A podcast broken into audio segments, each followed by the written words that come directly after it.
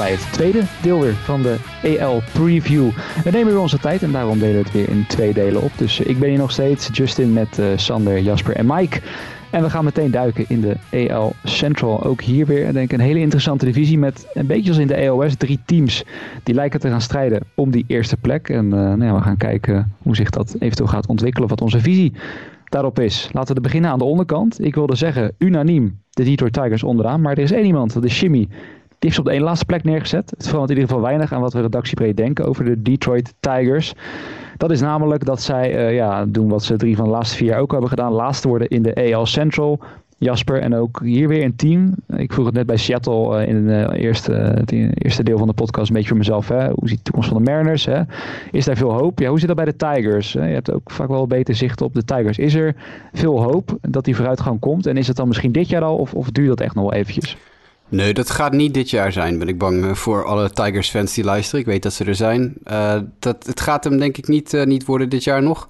Hoewel dit team wel weer iets versterkt is ten opzichte van vorig jaar. Er zijn best wel een paar leuke spelers toegevoegd aan deze line-up. Met Noma Mazzara. Oké, okay, vorig jaar niet zo heel goed. Wilson Ramos.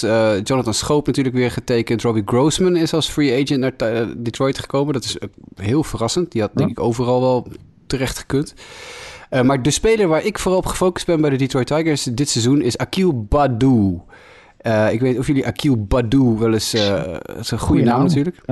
Ja. dat is een Rule 5 pick van de Minnesota Twins uit december. En je, je weet, de regel rondom de Rule 5 pick is dat je, als je in de Rule 5 draft gedraft wordt, moet je een heel seizoen op het Major League roster blijven staan. zodat je uh, op die manier uh, definitief eigendom kan worden van je nieuwe club. Op het moment dat je niet de hele seizoen op een Major League roster staat, word je teruggestuurd naar de club waar je vandaan komt. Voor Badu is dat dan uh, de Minnesota Twins. En Akil Badu staat als een bezetene te slaan tijdens springtraining. Het is echt ontzettend leuk om te kijken. Het is echt een jongen die uit het niets, nou ja, uit het niets komt. het is een hele jonge gast, nog 22, die nu maar een beetje soort, ja, een soort kans gaat krijgen uh, bij een team dat eigenlijk natuurlijk niet heel veel uh, in de melk te brokkelen uh, gaat hebben. En die jongen die staat gewoon echt als een dolle man homeruns te slaan tijdens spring training. Het is echt nou ja, de moeite van het volgen waard voor Akil Badu. En dat is dus een beetje mijn, mijn, mijn dude. Hij heeft een 1181 OPS in spring training op dit moment. 714 slugging. En hij voert de ploeg aan in homeruns met 4. Mm. Uh, En 9 RBI's en dan wel 10 walks en 12 strikeouts. Dus ook de strikeouts zijn er nog steeds wel.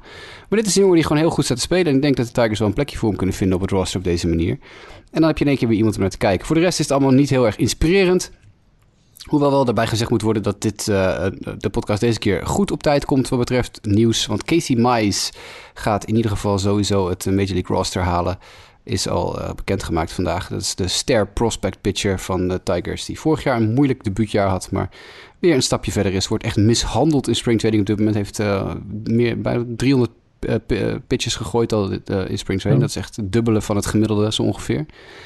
Maar blijkbaar vinden de Tigers dat oké. Dus dan, dan wordt die rotation gelijk wel weer iets safer. Julio Terran heeft de club gehaald, is al bekendgemaakt. Dat was een, een jongen die ook nog een beetje iets te knokken had.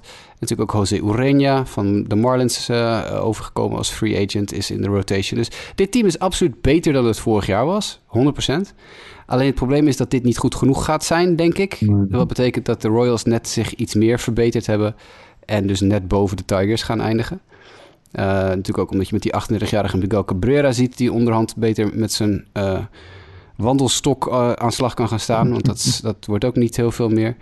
Maar met natuurlijk jongens als Candelario en Castro hebben de, de Tigers echt nog wel spelers om, uh, om een beetje in de gaten te houden. Dit is geen super slecht team. Vorig jaar was echt een super slecht team. Dit jaar gaan ze meer winnen dan vorig jaar. Maar ik denk dat ze nog steeds uh, laatste gaan worden. Ja. Nou ja, oké, good old Matthew Boyd nog steeds in de rotation. Die toch ook wel, uh, het is af en toe vallen opstaan, maar altijd wel genoeg quality innings uh, levert. En, uh, ja, vorig jaar. Ja, vorig jaar was iets minder quality dan, maar laten we dat misschien wijten aan het, aan het seizoen dat anders was dan normaal. Dat hij daar misschien last, van, last van had. Ja, ik zit te kijken sowieso natuurlijk. Hebben ook wat talent wat er allemaal nog aankomt. Hè. Spencer Torkels natuurlijk al vorig jaar gedraft, dus die zal niet dit jaar al komen waarschijnlijk, maar is er iemand voor in de toekomst om in de gaten houden. En allemaal van de jonge werpers, hè. En dan Casey Mize, maar ik zie ook Terry Schoolball hier hoog staan. In de prospect rankings. Matt Manning, nog zo'n guy. Dus uh, de toekomst uh, ziet er langzaam bij beetje wat, wat beterheid voor de Tigers. Maar ja, ik denk dat verder niemand er echt wat aan toe heeft te voegen. Dat dit inderdaad nog niet het jaar is waarin de Tigers het gaan, het gaan laten zien. Maar dat er wel genoeg reden is om naar eens te kijken. Ik geloof dat er, volgens mij was het Mike Pietriello, maar hou me te goede. Mhm. Die van de week een artikel had. Dan moet ik even goed nadenken. Of nee, dat was een andere Stewart. Ik wilde iets gaan zeggen over Kristen mhm. Stewart van de Tigers. Maar dat, ging, dat stuk ging over DJ Stewart van Baltimore. Ah. Dus daar, kom, daar kom ik straks nog wel even aan terug als we over Baltimore gaan hebben. Dus uh, moving on. Parkeren die nog even inderdaad. Dan gaan we naar het team wat uh, ja, bijna door iedereen op de één laatste plek is gezet. Behalve de Jimmy, die heeft ze laatst gezet. En ik heb ze als derde neergezet. Ook om het een beetje up te spice, om het zo maar te zeggen. De Kansas City Royals hebben het dan over. Uh, ja, vorig jaar net boven Detroit geëindigd. Het was toen inderdaad de race to the bottom, waarin de Royals net iets beter waren. Drie wedstrijdjes meer gewonnen dan de Tigers. Lijken daarmee ook net iets verder. En ook, uh, ja, moet gezegd worden, toch wel aardig wat bewezen major leaguers binnengehaald. Of dat ook echt wat gaat betekenen voor ze. Nou ja, daar mag uh, Sander Gasman ons nu mee gaan verblijden. Maar ja, onder andere een van jouw bekende dudes uh, binnengehaald, hè Sander? De Andrew Benintendi. Wat kan je er meer vertellen over de Royals? Ja, voor, vorig seizoen begonnen ze heel slecht. Maar het was echt een seizoen met twee gezichten voor hen. En dat viel eigenlijk samen met ja, de wederopstanding van Salvador Perez.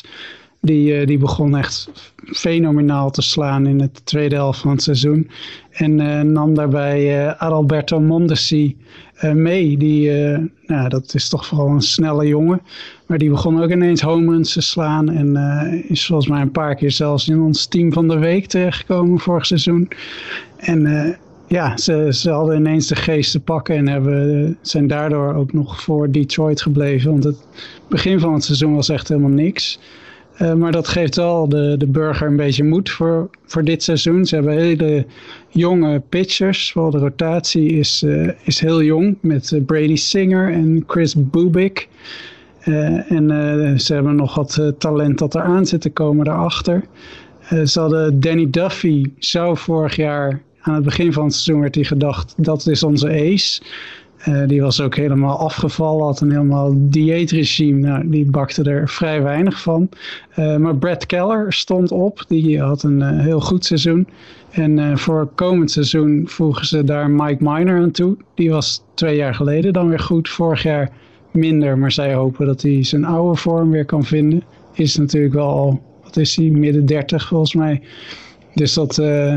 Ja. dat, dat is een gok, maar die kunnen ze maken, want ze gaan toch niet voor de topposities. Dat, dat weten ze in uh, Kansas City ook wel. Maar uh, ja, ze hopen vooral dat, dat de jeugd de kans gaat pakken. Ben Intendi, dat die weer opstaat. Die is natuurlijk twee, drie jaar geleden was dat het toptalent van Boston. Is daarna ja, totaal van een cliff afgevallen. En kreeg dat niet meer op de rit in Boston. En uh, ja, hij kan het nu in wat rustiger vaarwater hopelijk zijn, uh, zijn carrière weer een nieuw leven inblazen. En ja, hij is ook bij Boston was hij heel erg aan het zoeken naar wat hij nou precies moest zijn. Hij kwam wel eens, had hij enorm getraind in de winter en was hij beren sterk, maar was hij snelheid en, en zijn swing kwijtgeraakt. Uh, het is ook de hoop dat hij dat vertrouwen en, en zekerheid daarin terugkrijgt. En dat ja, kan rustiger, een rustiger uh, gebied als in Kansas City bij de, nou ja, toch de pittige media in Boston weg kan hem helpen. Hunter Dozier vorig jaar eerste honk, omdat ze Michael Franco hadden. Nou, dat pakte ook niet goed uit. Nu keert hij terug naar het derde honk. Op één hebben ze Carlos Santana. Uh, vorig jaar hadden ze daar ook nog Ryan McBroom en Ryan O'Hearn, die er dicht tegenaan zaten. Die waren toen niet goed, maar draaien allebei een behoorlijk goede spring training. Uh, ze hebben power in Jorge Soler. Dus is ja, de rotatie is jong, zeker nog niet goed, maar heeft, heeft toekomst. En de slagploeg is redelijk, ja, best wel een leuke ploeg eigenlijk om naar te kijken. En eh, ja, ook een beetje te kijken hoe, de, hoe, hoe ze zich ontwikkelen met Benintendi, Mondesi. Hoe gaat Perez zijn? Want die was vorig jaar gewoon echt fantastisch toen die terugkwam ja, ik, ik, ja, ze worden denk ik niet derde. Ik denk dat de Indians daar nog uh, te goed voor zijn. Maar ze kunnen ze het misschien wel moeilijk maken. En ik denk wel dat ze voor Detroit gaan eindigen. Ja, de boep en ook een mooi verhaal natuurlijk. Greg Holland en Wade Davis weer terug in dezelfde boep. ja, ja. Zo uh, te kijken Wade Davis. Dan tien, jaar, tien jaar na datum, uh, allebei 35 inmiddels. God. terug in dezelfde boepen. In die boepen lopen natuurlijk nog andere, andere geweldige armen rond. Josh Stomant is al, nou vanaf, uh, is gedraft, 2015 of zo is echt al mijn, uh, ja, dat is mijn, mijn unicorn. Mijn, mijn fairy dust unicorn is uh, Josh Stolman. Want die heeft zo'n waanzinnige arm, maar hij weet gewoon niet waar hij het heen gooit. Dus ik zit iedere keer te hopen dat dit het jaar wordt dat Josh Stolman een keer doet wat hij, nou ja, vijf jaar geleden al leek te gaan doen. Maar, uh, maar dat heeft even wat tijd nodig gehad bij mij. Hij is pas 27, dus misschien kan dat wat worden. Ik ben ook een grote fan van Brady Singer. Sander noemt hem al even. Fantastische pitcher. Echt een van de mooiste sliders in de, in de American League. Dus dat is wel even moeite van het volgen waard. En er was nog één naam die ik ook nog even wil noemen. Dat is Asa Lacey. Justin weet misschien nog wel uh, Asa Lacey. Die hebben we in de draft podcast van vorig mhm, jaar ook nog besproken. Dat is een first round draft pick van de Royals pitcher. Linkshandige werper. En dat is echt een ontzettend goede, goede pitcher. Hij is natuurlijk net pas gedraft vorig jaar. Mhm. Dus het, is, het ligt niet in de, heel erg in de lijn der verwachting dat hij dit jaar al een uh, impact gaat hebben. Uh, maar goed, ik bedoel, met hoeveel jonger je toch iedere keer ziet dat, dat spelers opgeroepen worden. Uh, zou je kunnen, kunnen met een schuin oog misschien even in de gaten kunnen houden. wat Asa Lacey in dan wel de minors, dan wel in de alternate site. Ik weet niet wat, wat ze met hem van plan zijn. gaan doen. Want dit is wel echt ja, een jongen die eigenlijk al heel volwassen was in college. En heel volwassen gooide bij Texas AM. En ja, als je dus een geval van noodstarter nodig hebt, dan heb ik wel eens gekkere dingen gezien dan dat een team een type Asa Lacey op gaat roepen. Ja, en ze hebben ook nog Jackson Kowar. Ze hebben echt, echt wel een hele lading goede, jonge, startende werpers. Die, ja, Kowar heeft het wel zwaar gehad in de minors tot nu toe. Dus ik zou hem niet 1, 2, 3, want hij had het in single A had hij het al niet heel, uh, niet heel heftig. Maar het is ook ja, gewoon een super goede pitcher. Uh, Khalil Lee loopt er ook nog steeds rond, voormalig goed prospect. En we hebben het helemaal nog niet gehad over Bobby Witt Jr., Sander. En wij, nee, wij hebben het regelmatig... Sander en ik hebben het regelmatig over Bobby Witt Jr. dus misschien, misschien moet je die ook nog eventjes uh, erin gooien. Ja, ja, die heeft enorme indruk gemaakt in, de, in spring training. Volgens mij is hij wel net teruggezet. Maar ja, die is over een jaar, twee jaar... Uh, hebben we het heel veel, denk ik, over Bobby Witt Jr., die is uh, ja, fantastisch.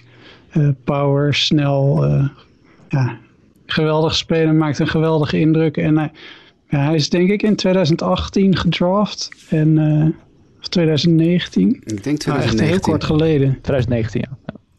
En ja, enorme indruk gemaakt in de minors. Hij zat nog bij Daryl Collins, daar in de in Rookie Ball was het denk ik, of Single A. Nee, Rookie zal dat zijn. Dat zal Rookie zijn geweest, ja. Ja, en uh, ja, daar deed hij het, uh, daar deed hij het goed. En uh, ja, die, die doorloopt eigenlijk elke stap, verbaast hij weer hoe goed hij is, hoe snel hij zich aanpast en hoe snel hij er al eigenlijk bovenuit steekt. Dus de kans dat we die al dit jaar in de majors gaan zien is vrij groot. Ja. Dat zou wel mooi zijn. En ik moet zeggen, met oog daarop lees ik wel je dat ze er misschien al een beetje wat voorsorteren zijn. Dat hij ook al regelmatig in het outfield nu, uh, nu zijn kansen krijgt. Misschien met het oog op dat ze natuurlijk mannen die op korte stop hebben staan. Ja, die is 25 jaar. Natuurlijk ook wel een onderdeel denk van de toekomst van de Royals. Mits ze die uh, ook voor langere termijn uh, vastleggen. Dus uh, ja, biedt in ieder geval wat open. En zeker wel genoeg Major League talent. Inderdaad, zoals je al denk al aangaf, Sander. Om in ieder geval competitief te zijn. En misschien wel wat competitiever dan dat ze vorig jaar waren. Maar de reden dat ik ze dan. En dat is ook mede de reden, moet ik eigenlijk zeggen. Dat ik ze bijvoorbeeld op derde heb gezet. Want te komen aan bij de Cleveland Indians. Die bijna unaniem door iedereen op de derde plek zijn gezet. Behalve door mij. Want ja, ik. Uh, nou ja, het toch een soort van ball prediction moeten maken. Ook is maar één plekje. Is het dat ik gewoon niet in geloof dat Cleveland dit jaar echt mee gaat doen om die topspot. En dat is misschien raar, want ze hebben natuurlijk, om daarmee te beginnen, natuurlijk nog steeds Shane Bieber. Hè, vorig jaar Cy Young winnaar, uh, ook beter bekend als een van de beste werpers. Misschien wel de beste in de majors. Die hebben ze nog. Maar ja, het is ook het eerste jaar na het vertrek van Francisco Lindor. En dan is het niet alsof Lindor dat hele team droeg. Sterker nog, offensief was misschien Jose Ramirez de afgelopen jaren wel belangrijker. Dat was ook denk ik zeker zo.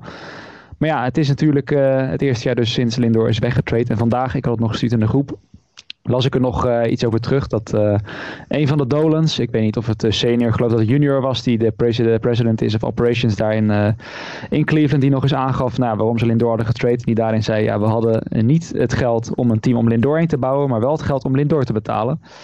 Uh, ja, en dan lees je later dat ze, hè, wat was het, 5,5 miljard. Uh, dat is uh, gemiddeld de waarde van de Dolans die overal vastgoed hebben, die helemaal in cable television zitten.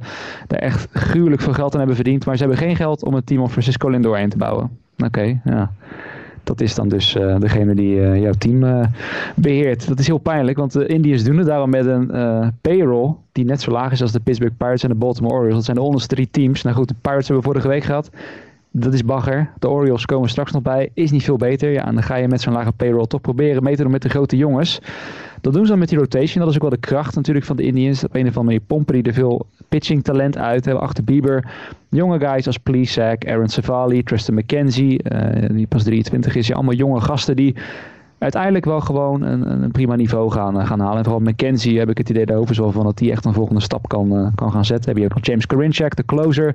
Waarschijnlijk moet gezegd worden. kan ook zijn dat zij als een soort uh, Zwitser zakmes gaan gebruiken in belangrijke situaties. Dus misschien een 7 of 8 inning.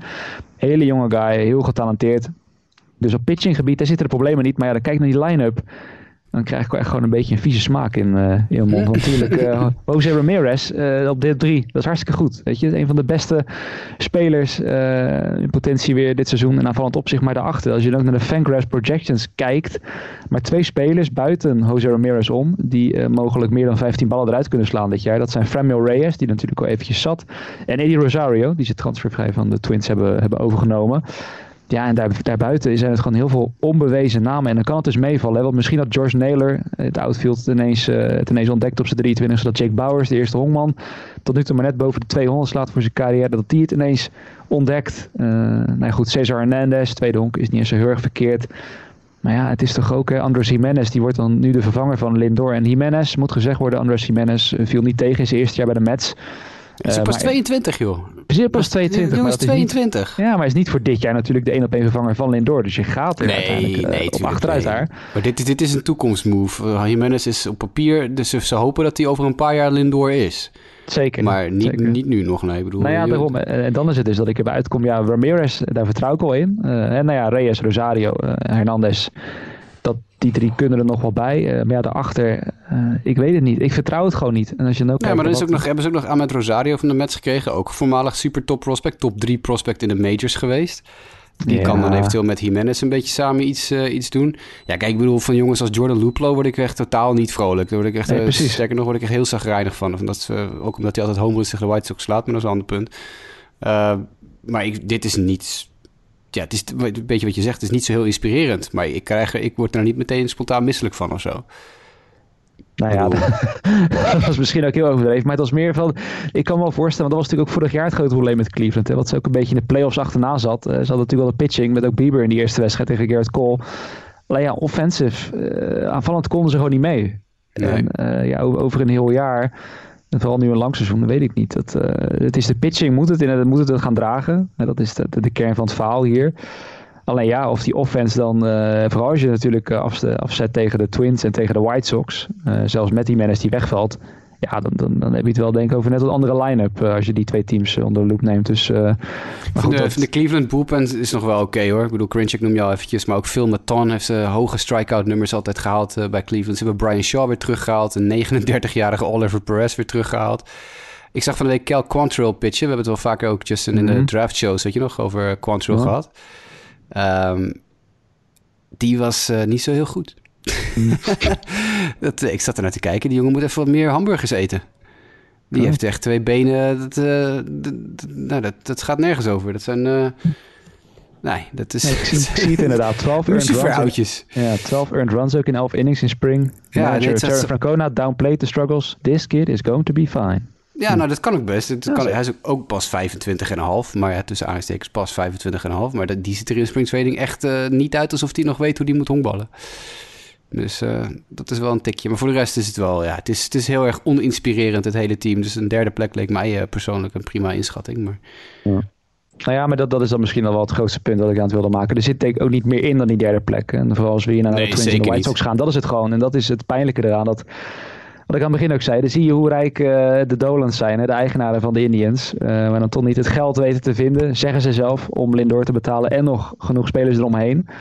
Terwijl als je dat wel zou doen. Uh, ik las zelfs nog terug, kijk, dat is van voor mijn tijd. Maar voordat de Dolans het team overnamen, uh, was het juist een team dat toch best wel vaak de portemonnee trok in vergelijking met andere franchises.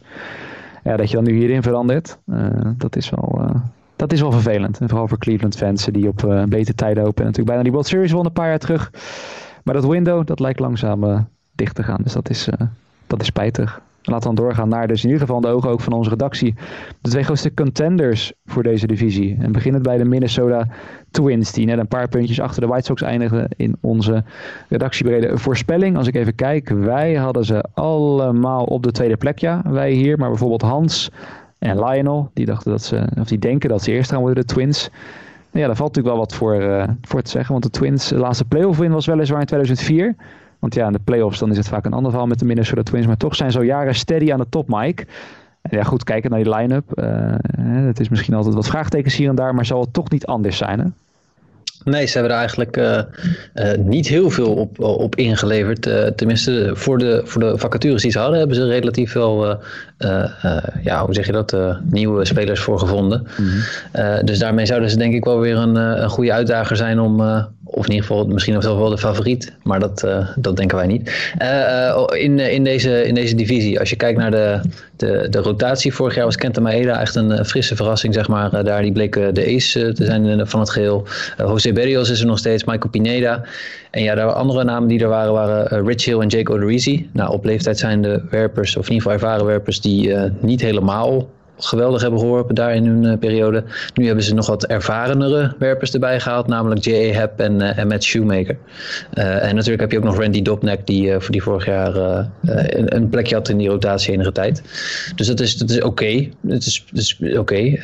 De bullpen was natuurlijk wel een sterk punt van de, van de Twins vorig jaar. En daar hebben ze eigenlijk weinig in geleverd. Sergio Romo is weliswaar weggegaan en Trevor May is naar, de, naar de Mets gegaan. Maar ze hebben wel twee werpers teruggekregen, namelijk agent Alex Colomé is erbij gekomen van de Chicago White Sox. En Hansel Robles van de Los Angeles Angels. Dus daar hebben ze wel twee, twee adequate vervangers uh, in gevonden. Uh, en dan, ja, als je dan kijkt naar de line-up, dan is dat nog steeds. Het is, het is niet meer de, de, de, de enorme power die ze, die ze hebben gehad. Eddie Rosario is ook, ook, weggegaan. Maar ze hebben nog steeds wel een, een, een degelijke line-up. Weet je, de outfield bestaande uit, uit Max Kepler, ja, Byron Buxton. Ja, ik, zoveel potentie altijd, maar het is er ja, het komt er niet altijd uit, ook niet altijd uh, uh, fit. Uh, de, andere, de andere plek in het outfield is nog een beetje ja, open, zeg ik maar eventjes. De, de, spelers die, die voorbij komen zijn Jake, Jake Cave en ook de opvolger van Chuck Knoblauch in, in Minnesota, Kyle Garlick. deze grap, ik, ik, deze grap is echt...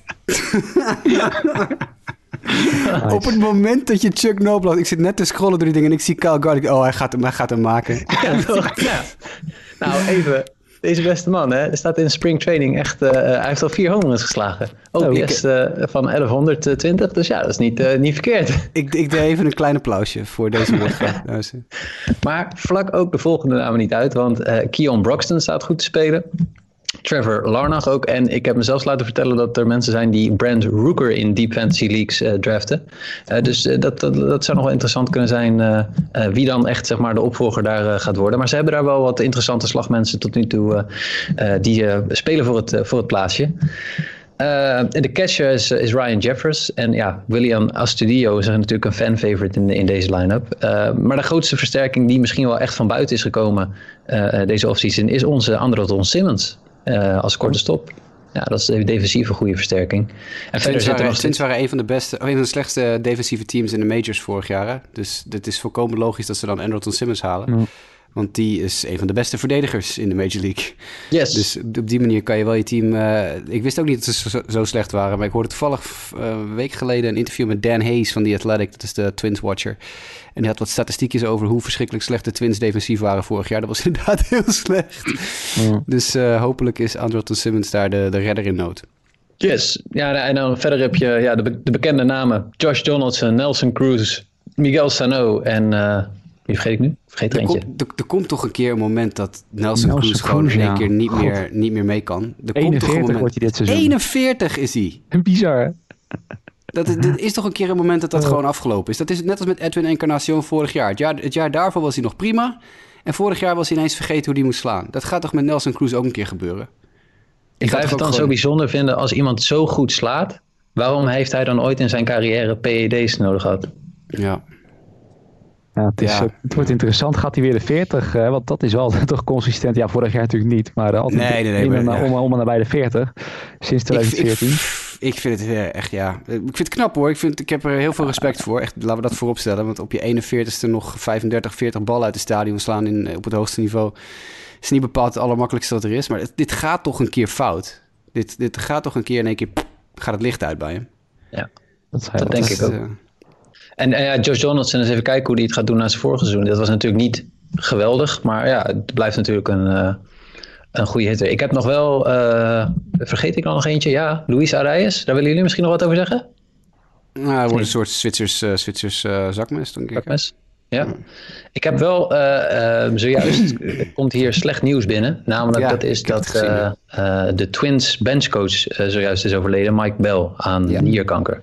Ja, oh, ik had hem ook al klaarstaan inderdaad om het er zo meteen in te gooien. Maar goed dat je ook op Twitter zit tijdens de uitzending. Dan kunnen we dat inderdaad even. Ja, Mike Bell is de zoon van Buddy Bell, misschien wel bekend. Een hele bekende naam in, uh, in de honkbalwereld. Voormalig manager van de Kansas City Royals, front office medewerker hier en daar. Uh, Mike Bell heeft ook geloof ik 12 jaar voor de Diamondbacks gewerkt. Mike? De naam komt me bekend voor. Ik zou het niet exact weten.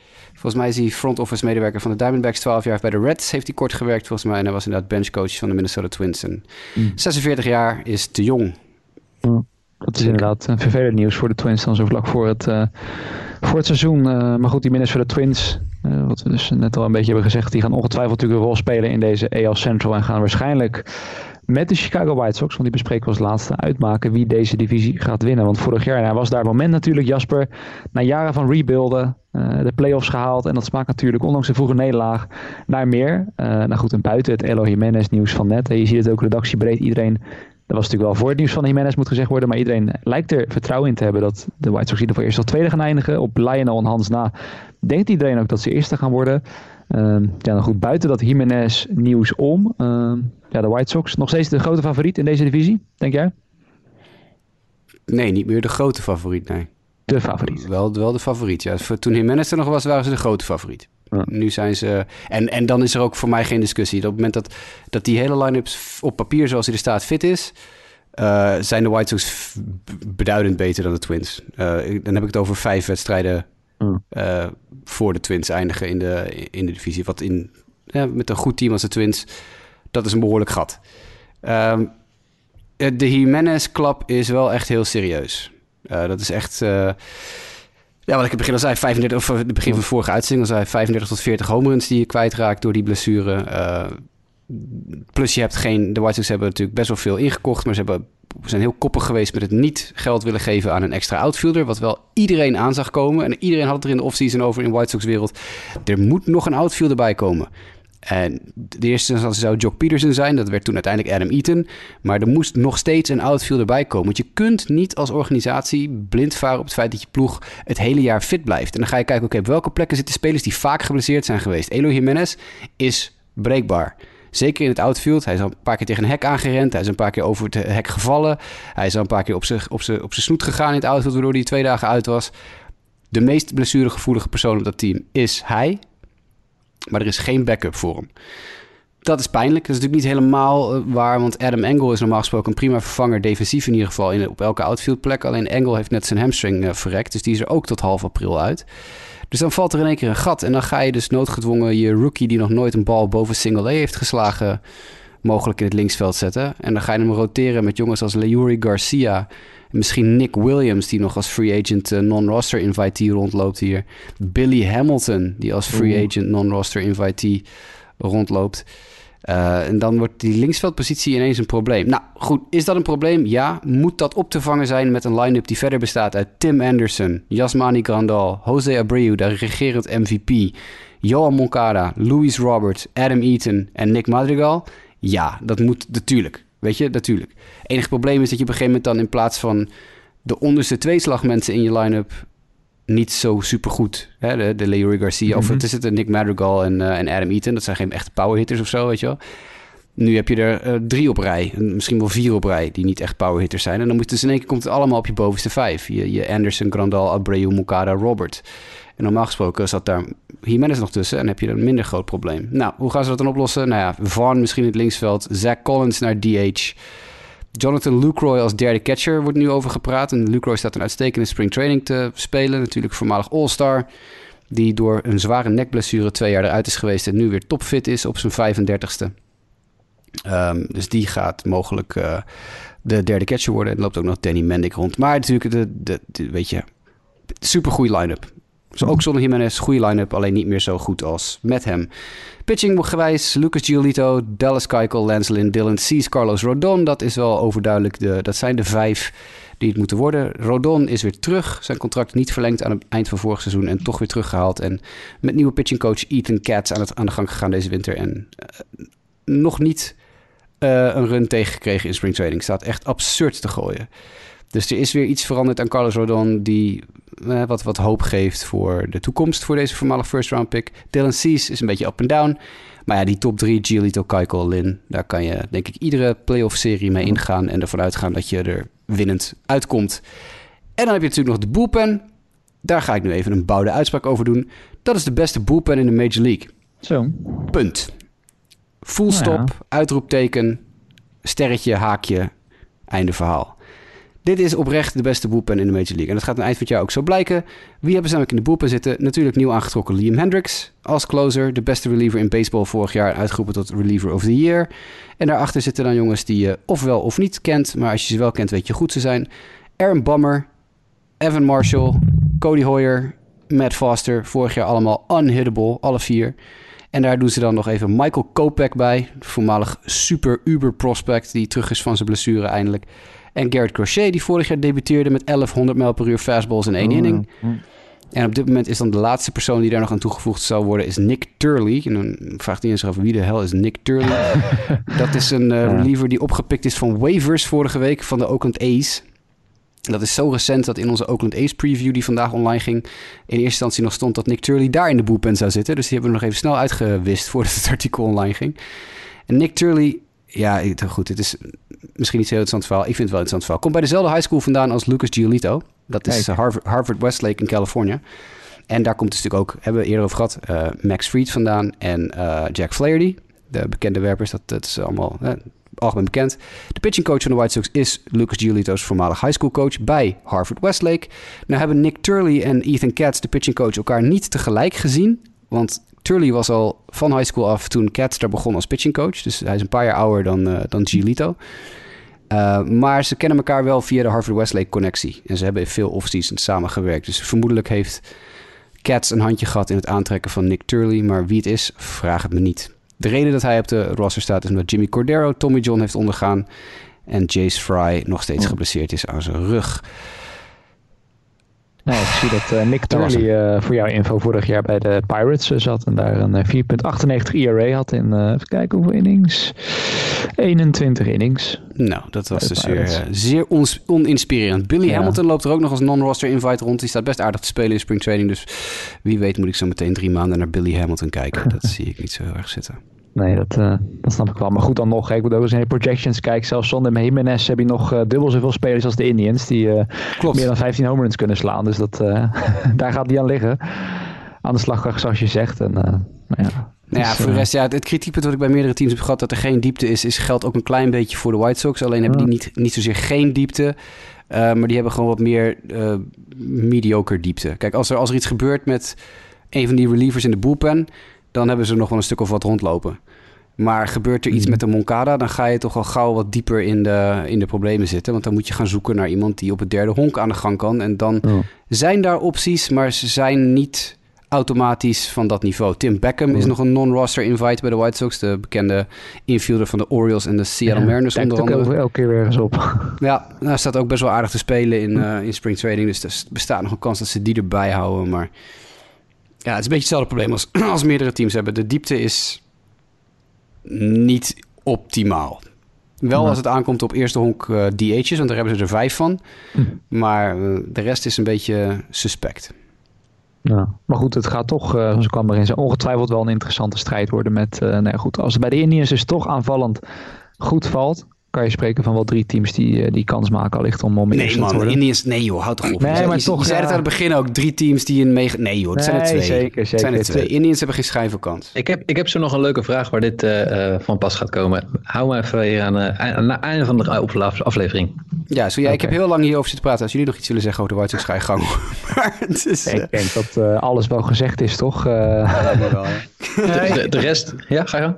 Nee, ik, ik, waarom ik ook de White Sox er als eerste heb, is dat ik bij, bij de Twins mis ik een beetje de ambitie. Weet je wat ik ook al zei bij oh. de A's, dat die zijn dan, uh, zijn dan aan, aan de top gekomen in een divisie. En ja, je zou had gewild, als Twins-fan zou ik dat in ieder geval gewild hebben, dat ze voor nog een, uh, een betere pitcher waren gaan dan, dan Heb en Shoemaker. Shoemaker is altijd gebaseerd, Heb is moi. En ja, en met Berrios een ontwikkeling die ook een beetje stagneert, zou je denken van, ja, ga dan probeer achter een van die uh, pitchers die beschikbaar is aan te gaan. Maar misschien dat ze dat bij de trade deadline nog gaan doen. Er zullen vast al teams dan uit de running zijn. En gooi er nog een goede pitcher bij. Dan heb ik het al over echt een goede. Ja, ja want J.A. Heb toevoegen aan je starting rotation is sowieso al wat sus. Maar als je daarna gaat dat de White Sox vorig seizoen het team met het hoogste slaggemiddelde en hoogste power output was in de Major League tegen linkshandige werpers getuigt het niet van heel strategisch denken dat je aan je line-up een linkshandige werper toevoegt om dat team van je af te houden. Dus dat lijkt me niet. Uh, Odorizzi was wat dat betreft veel slimmer geweest. Ja, en ik, ik kijk graag uh, Talking Baseball van John Boy Media. Dat zijn uh, Yankee fans. En die hadden het over. Die doen ook die doen afleveringen per team. En die waren erg blij dat J.A. Happ weg is bij de Yankees. En zagen daar absoluut geen versterking in. Dus ja, ik denk dat uh, zij als Yankee-fans brak het zweet uit als, uh, als hij op de heuvel ging en een slechte dag had. Dus uh, dat, ja, dat tempert de verwachtingen wel bij zo'n pitcher. En ja, de, de rotatie van de Twins blijft wat mij betreft echt achter. En dan ga je het heel moeilijk krijgen. Ja, nou goed, om dan misschien uh, maar meteen even door te pakken met de AL East. De rotatie is in ieder geval een stuk beter dan die van de Baltimore Orioles. Maar dat geldt denk ik voor heel veel, uh, voor heel veel teams. En ze werden vorig jaar dan niet uh, voor het eerst in vier jaar laatste, Mike. Dat is dan toch iets van vooruitgang. Maar tegelijkertijd, en dat blijkt ook uit onze eigen voorspellingen. Iedereen ziet de Orioles laatste worden in de AL East komend jaar. Jouw voorspellingen staan die anders in. Want ja, dit team is gewoon niet klaar hè, om mee te doen in deze divisie. Het is zo mooi dat je wel een silver lining wist te vinden. Ja, en gek genoeg waren ze vorig jaar vierde. Uh, maar het was een kort seizoen, hè, dus dat, uh, dat, uh, dat helpt mee. Nee, ze hebben dit seizoen niet, deze wintermaanden niet stilgezeten. Ze hebben wel wat, wat gedaan. er zijn een aantal ve veteranen toegevoegd aan het team. Michael Franco voor derde honk. Freddy Galvis voor als korte stop. En Jomer Sanchez. Daarmee heb je eigenlijk alweer bijna een nieuw infield. Zet daar de talentvolle Ryan Mountcastle tegenaan. En ja, Mountcastle wordt toch echt wel heel veel van verwacht dit seizoen. volgens mij zijn er meerdere mensen hier die daar zo, misschien, zo meteen misschien nog iets over zouden willen zeggen. Ehm, en daarnaast heb je het outfield Cedric Mullins, de, de fan favorite vanuit de UK, Anthony Santander. En um, ook nog Austin Hayes. En ik denk dat het ook wel ja, mooi is dat, dat Trey Mancini weer fit is en, en weer kan spelen. Dat is denk ik ook echt een versterking voor deze line-up. Dus dat is goed nieuws. Um, ja, de, de, dus, ja, de starting rotation, ja, Um, ja, Ik, tenminste, ik heb, ik heb de preview ook nog gelezen die zeg maar op Sport Amerika staat. ik, ja, ik kan, ik kan niet, niet zo positief zijn hierover. Het is John Means, Dean Kramer, Keegan Aiken, Jorge Lopez en naar alle waarschijnlijkheid met Harvey, omdat Felix Hernandez niet fit was. Uh, ja, ik denk gewoon dat dit een hele... Ja, dit Shocker dit... trouwens, hè? Felix Hernandez niet, uh, niet healthy. ja, Shocker, ja. echt. Shocker. maar dit is wat ik zeg. Ja, als Gio Gonzalez kan ik me voorstellen dat je geen zin hebt om hiervoor te gooien, zeg maar. Maar ja, het had wel gekund. dus uh, nee, ik verwacht hier niet, niet veel van. Oh ja, ik vergeet trouwens helemaal. Chris Davis. Chris Davis. Maar goed, die is geblesseerd op dit moment. Speelt er ook nog steeds. In het kader die, van, die, staat, die staat boven de gasten op het lijstje waar ik wat over wilde zeggen. Dus voordat ik het vergeet.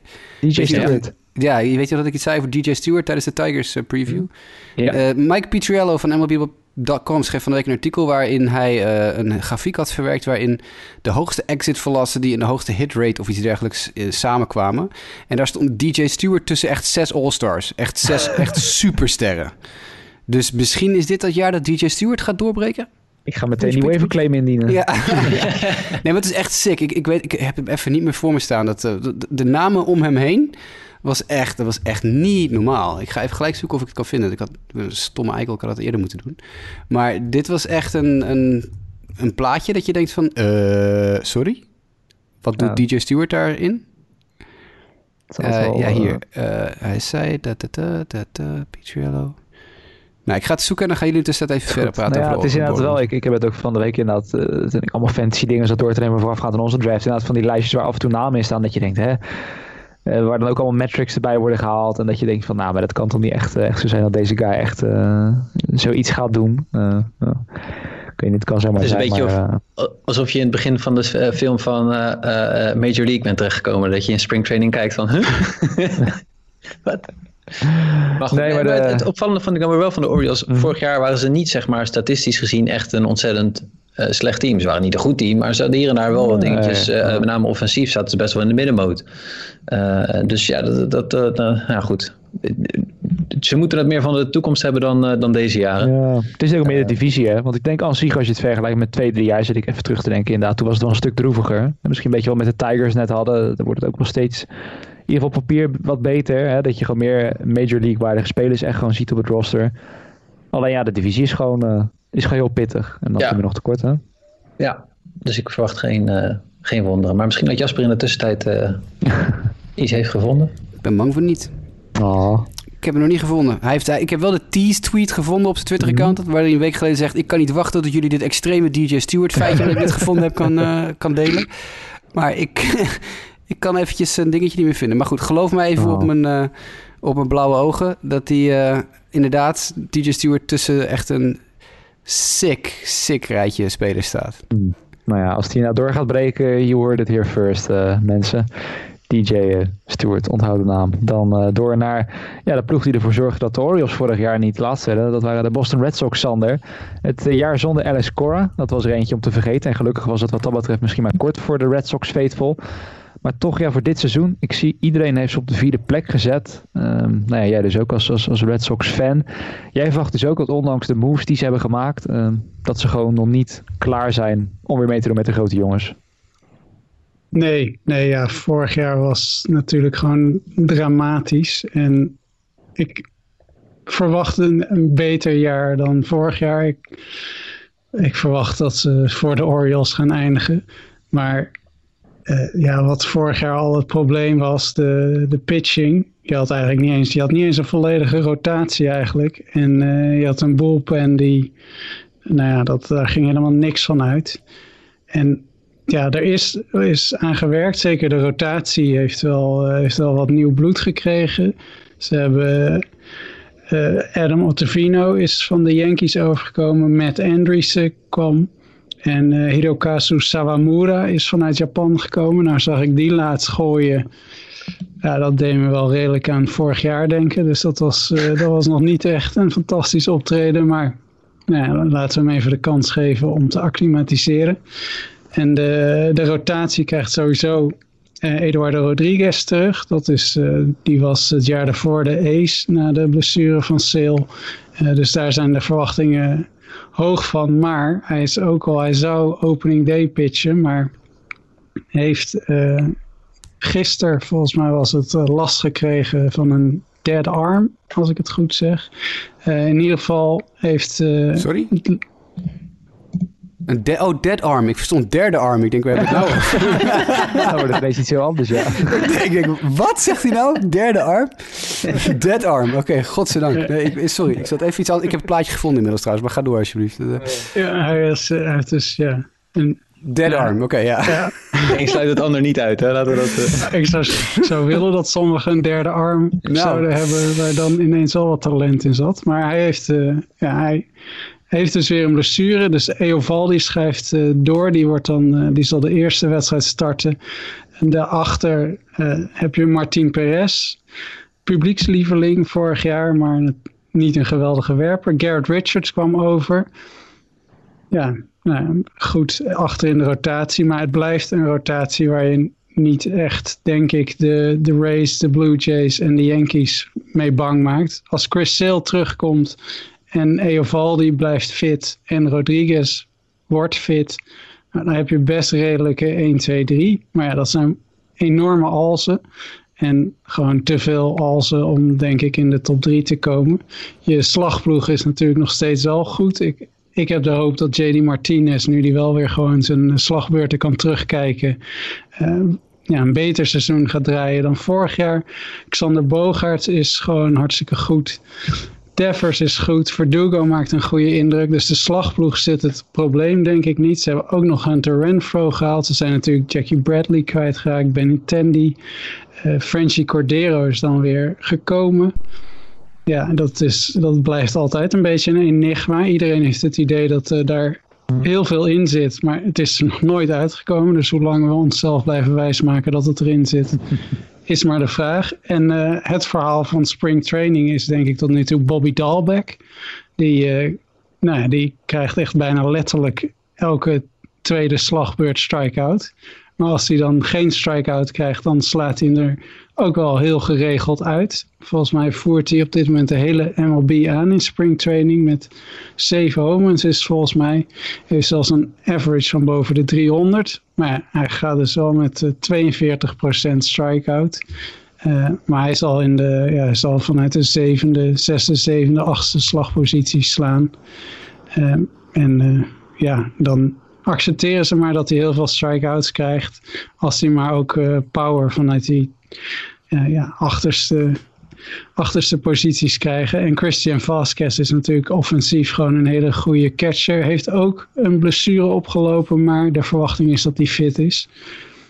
Ja, heel veel alzen. Uh, als alles, alles goed valt, dan kan je verrassen. En dan kan je misschien met een zeker optimisme.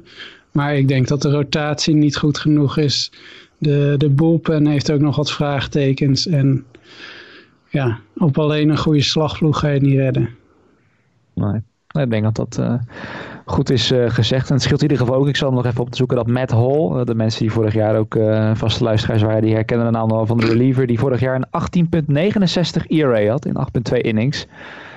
Dat, uh, nou ja, die ik ben echt gestopt met het onthouden van de naam op een gegeven moment. van het brandhout tot... Ik zie wel dat hij nog uh, in spring training erbij, erbij zit. Maar uh, het ziet er niet uit dat hij weer een plekje gaat krijgen. Dat lijkt me niet zo heel erg gek, deze Matt Hall. Dus die, die gaan we in ieder geval hopelijk niet terugzien voor jou. Maar nee, het is...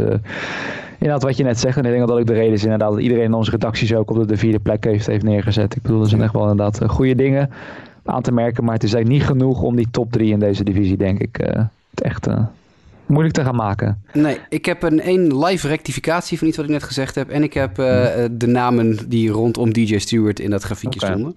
En mijn live rectificatie is dat ik net tijdens de White Sox in uh, dinges uh, blokje zei dat Carlos Rodon nog geen punten had tegengekregen tijdens spring training. Ik zit met een schuin oog Brewers White Sox te kijken. Hij krijgt zojuist zijn eerste run tegen van spring training. Dus we moeten ah, dat wel even live rectificeren ja. tegen de Milwaukee Brewers. En dan de dudes die rondom DJ Stewart staan, of waar DJ Stewart zelfs boven staat. Komt-ie. Dit is het barrel percentage afgezet tegen WOBA, oftewel weighted on base average. Uh, het aantal barrels, dus hoe hard je de bal raakt. Barrel percentage is gewoon hoe vaak je de bal echt vol, echt vol raakt. Dan slaat uh, DJ Stewart uh, vaker een barrel dan Jorge Soler, Matt Chapman, Fernando Tatis Jr., Teoscar Hernandez en Eloy Jimenez. En zit hij in de buurt bij Miguel Sano, afgezet tegen Woba. Dan heb ik nog een mooi ander grafiekje. Dat is een grafiekje waar het barrel percentage afgezet wordt tegen walk rate. En dan is Stewart boven Juan Soto, Bryce Harper, Ronald Acuna Jr. en Freddie Freeman. Ja, uh, dat, uh, zijn toch wel aardige namen, ja. dus ja, hashtag de, de DJ Stewart uh, season. Nou, ik ben benieuwd. Zoals ik net al zei, uh, you heard it here first. Het, uh, het gaan we benieuwen als hij weer fit is. Want hij stond wel op de injured list, zag ik inderdaad. Maar dan is dat wel inderdaad iets leuks om in de, gaten te gaan houden hoe hij dat gaat doen. Hè? Toch nog een reden om Baltimore echt in de gaten te gaan houden. Dan kijken we even naar onze voorspelling. Want aan de top, daar wordt het natuurlijk wel interessant. En dan zijn er toch de Tampa Bay Race, zie ik. Die redactiebreed op de derde plek zijn gezet. Vlak achter de Blue Jays. Lionel, Hans en Jimmy, die zeggen namelijk dat de race wel tweede gaan worden. De rest, waaronder eh, dit kwartet hier zo, zegt dat zij derde gaan worden. Want uh, ja, het is een beetje natuurlijk het verhaal van de race. Vorig jaar nog de World Series gehaald. Verloren van de Dodgers. En toch liggen de verwachtingen, Jasper, weer wat lager. Zoals altijd in Tampa Bay. Omdat ze toch weer aan het uh, retoolen, rebuilden zijn. Geen Blake Snell meer. Geen Charlie Morton. En dus, in ieder geval volgens ons hier allemaal, een derde plek hè? Ja, en dat heeft ook weer denk ik meer te maken met het feit dat de Yankees, denk ik toch wel vrij relatief makkelijk de divisie moeten mhm. kunnen winnen. En de Blue Jays gewoon een beetje een soort hype team zijn. Hè? Een beetje een team wat, wat uh, natuurlijk ook wat flink ingekocht heeft, een paar grote sterren binnengehaald heeft. En kan verder bouwen aan het groeien van de jonge jongens. En dat daarom misschien wat hype ervoor zorgt dat de Blue Jays wat hoger ingeschat worden. Maar vergeet niet, de Rays krijgen ook gewoon weer Brandon Lowe terug. Uh, want die was vorig jaar natuurlijk veel geblesseerd en heeft uh, niet echt zijn, zijn, zijn beste honkbal kunnen laten zien. En verder keert eigenlijk die hele line-up gewoon terug intact. Hè? Met uh, Tsutsugo, Randy Arozarena, een, een populaire Rookie of the Year pick voor dit jaar. Natuurlijk mijn dude Austin Meadows is weer terug. Brandon Lau dan weer. Manny Margot, Joey Wendell, Willie Adames. Die ook nog een keer echt gigantisch gaat uitbreken. Die is ook pas 25. Kevin Kiermaier Mike Zanino. En dat is gewoon echt, dat is bijna de, gewoon de startende line-up die vorig jaar de, de World Series heeft gehaald. Ehm, dus wat dat betreft is dat niet verkeerd. En dan heb je natuurlijk nog een rotation met Tyler Glasnow, Ryan Yarbrough, ook een hele dark horse pick om het supergoed te gaan doen dit jaar. Chris Archer weer terug op het oude nest. Ja goed, en dan Rich Hill en Michael Waka. Dat is waar het fout loopt.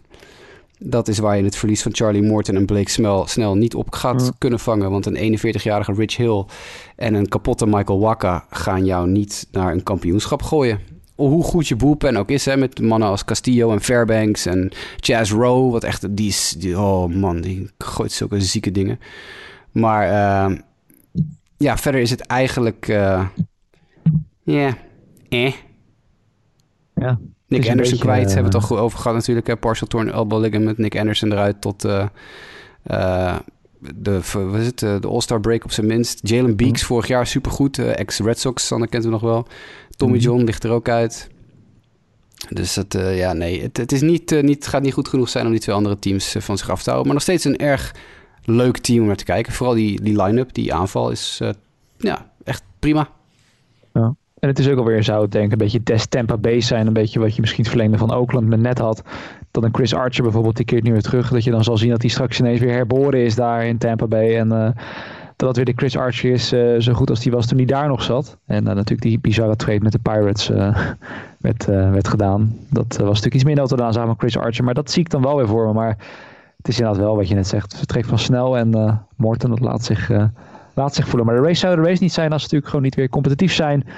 En toch gewoon weer die twee teams aan de top het uh, lastig gaan maken. Want laten we het doorpakken dan met Toronto, de Toronto Blue Jays. Je noemt het het hype team, want de verhoudingen liggen dus precies zo dat Lionel Hans en Jimmy, de namen die ik net noemde, die denken dus dat Toronto wel derde wordt. De rest, waaronder ons vier hier, denken dat ze tweede gaan worden. Uh, ja, waaronder dus, wat je net zegt, een beetje die hype die er is rond dit team.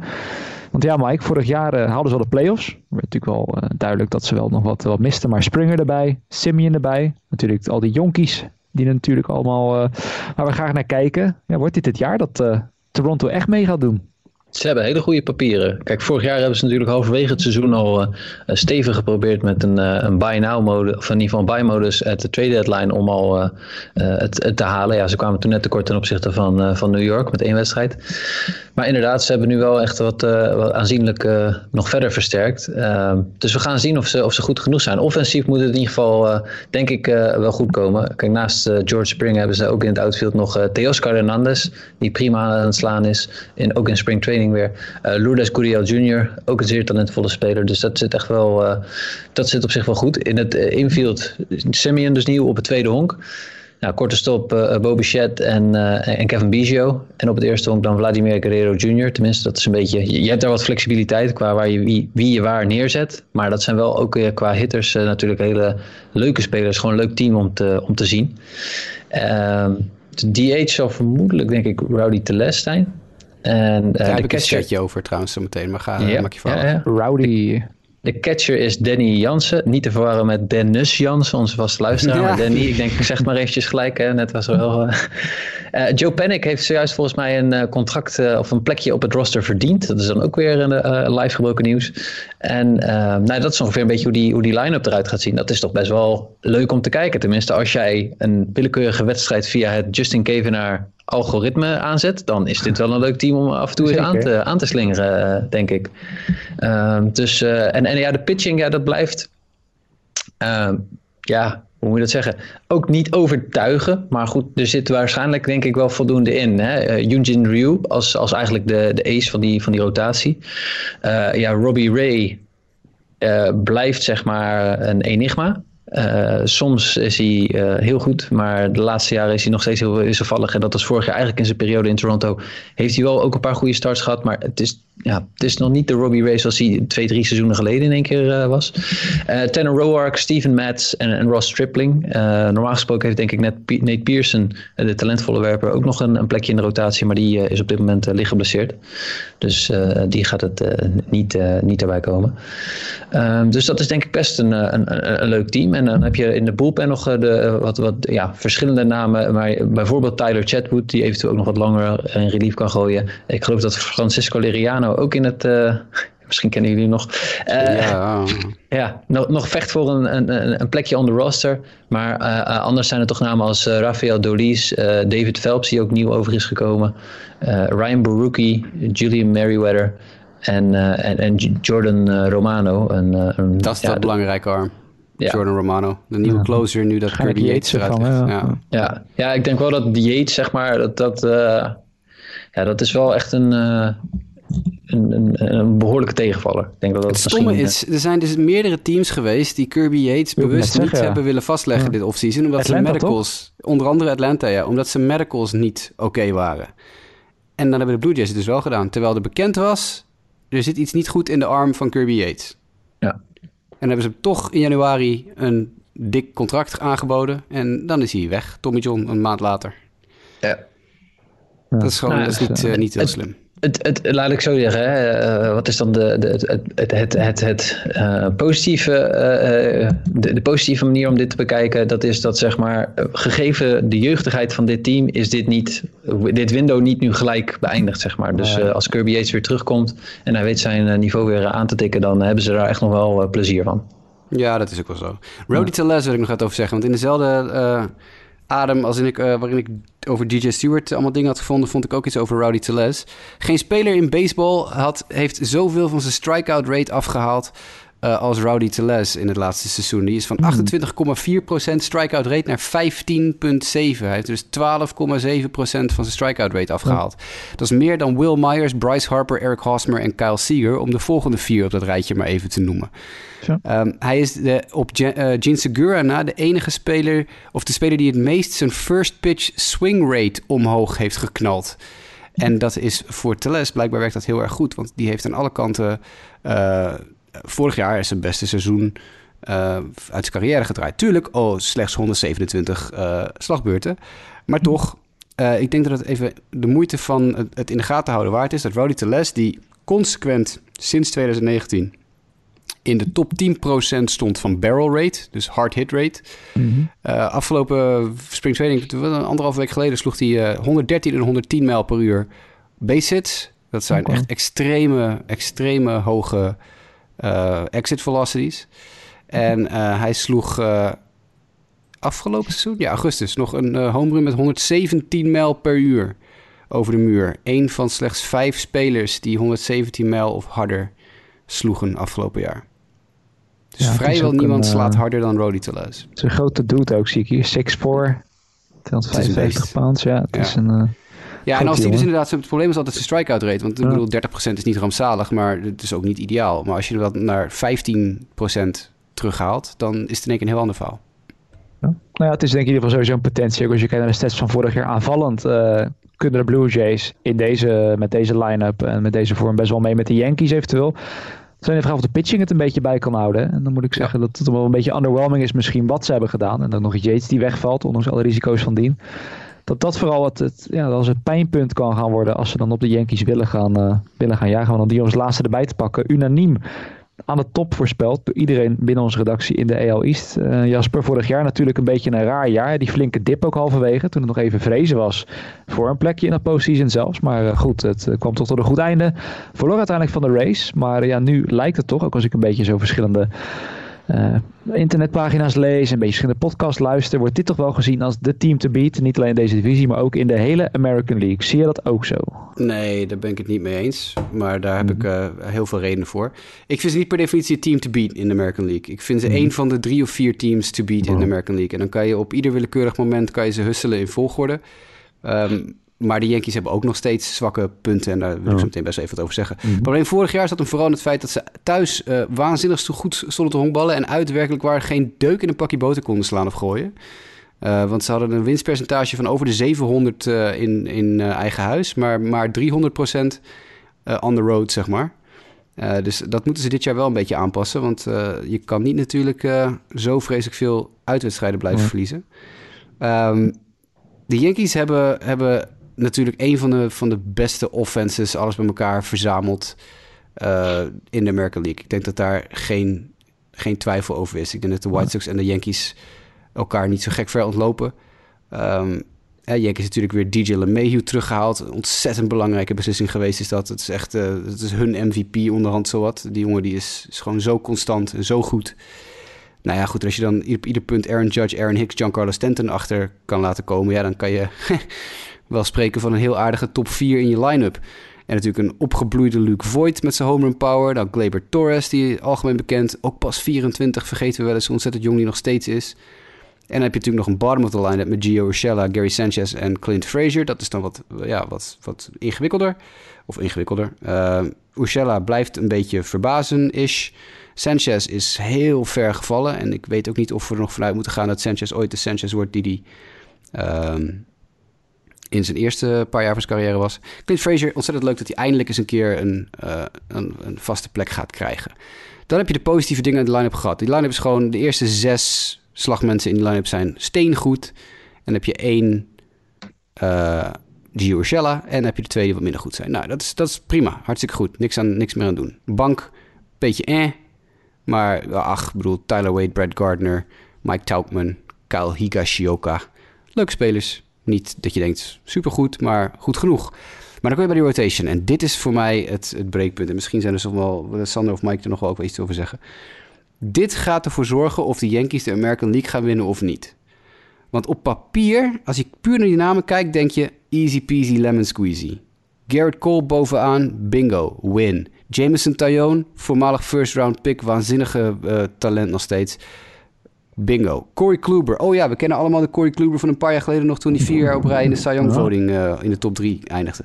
Prima. Jordan Montgomery. Ja, doet het hartstikke goed. Uh, gaat echt wel goed komen. Als nummer vier uitstekend. Oh, Domingo Herman als vijfde. Ja, goed. Hij slaat zijn vriendin in elkaar, maar kan wel goed pitchen. Weet je wel? Dat, uh, nou, op papier vijf hartstikke goede pitchers.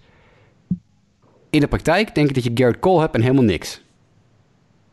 Want Jameson Tyone heeft al twee keer Tommy John gehad in zijn leven en kan niet fit blijven. En als hij fit is, is hij gewoon ronduit slecht. Corey Kluber heeft in twee jaar tijd negen pitches gegooid. Jordan Montgomery... Oké. Jordan Montgomery heeft potentie, want Jordan Montgomery is een groundball pitcher. En vorig jaar was zijn veld gewoon heel erg slecht. Als zijn veld beter is dit jaar, gaat Jordan Montgomery ook beter zijn. Hij staat goed te gooien in spring training, moet gezegd worden. Hetzelfde geldt voor Domingo Herman, staat ontzettend goed te gooien. Net als Davy Garcia, waar ook nog uh, over gesproken wordt dat hij een eventuele kans zou maken om de rotation te halen. Uh, maar ja, ik bedoel, die hele situatie rond Domingo Herman is gewoon heel erg, ja, laat maar ronduit zeggen, afleidend. En zo goed was Domingo Herman in zijn vorige volledige seizoen in de Major League ook niet. Dus ja, weet je, op papier is dit een ontzettend goede rotation. In de praktijk kan dit gewoon Garrett Cole en helemaal niks zijn. En dat is een probleem. Nou, natuurlijk krijg je op een gegeven moment... Uh, Severino komt weer terug halverwege het jaar... van zijn Tommy John van vorig jaar. Uh, Zach Britton uit de bullpen is net geopereerd. Die is een maand of anderhalf uit. Justin Wilson is op de IL gezet met shoulder tightness. Dus dan hou je in je bullpen ook alleen maar Aroldis Chapman, Chad Green en Darren O'Day over... Min of meer. Hoewel Jonathan Loaisiga ook heel goed staat te gooien in spring trading. Dus dat is wel even iemand om ook nog een oogje op te houden. Michael King is de reliever uit de boepen van de Yankees... die uh, nog een kans heeft, een outside kans heeft... om ook nog de rotation of iets te gaan opvullen als het nodig mm-hmm. is.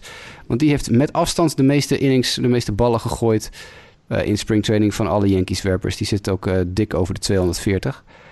Um, waar we het eerder in de uitzending hadden over Casey Mize, die zo ontzettend veel pitches moest gooien. Michael King heeft er ook behoorlijk wat gegooid. Hij heeft de meeste ballen gegooid van alle Yankees-werpers in spring training.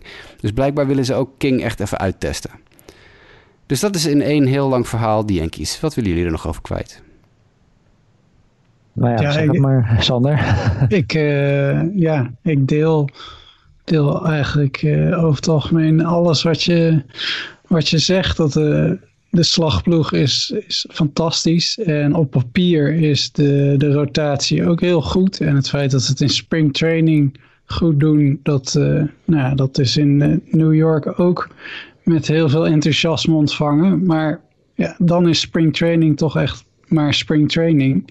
En gaan Davy Garcia, die is, ja, daar verwachten ze heel veel van. Ik weet niet of die uh, zal beginnen, maar ja, daar zijn ze heel enthousiast over. Domingo Herman zijn ze heel enthousiast over.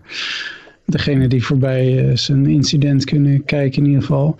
Maar ja, de statistieken van die jongens in de majors is niet zo fantastisch. Uh, Herman heeft natuurlijk het hele vorig jaar uh, gemist. Maar daarvoor was hij ook niet fantastisch. 2018 had hij nog een era van boven de 5,5. 2019 al iets beter met 4.0.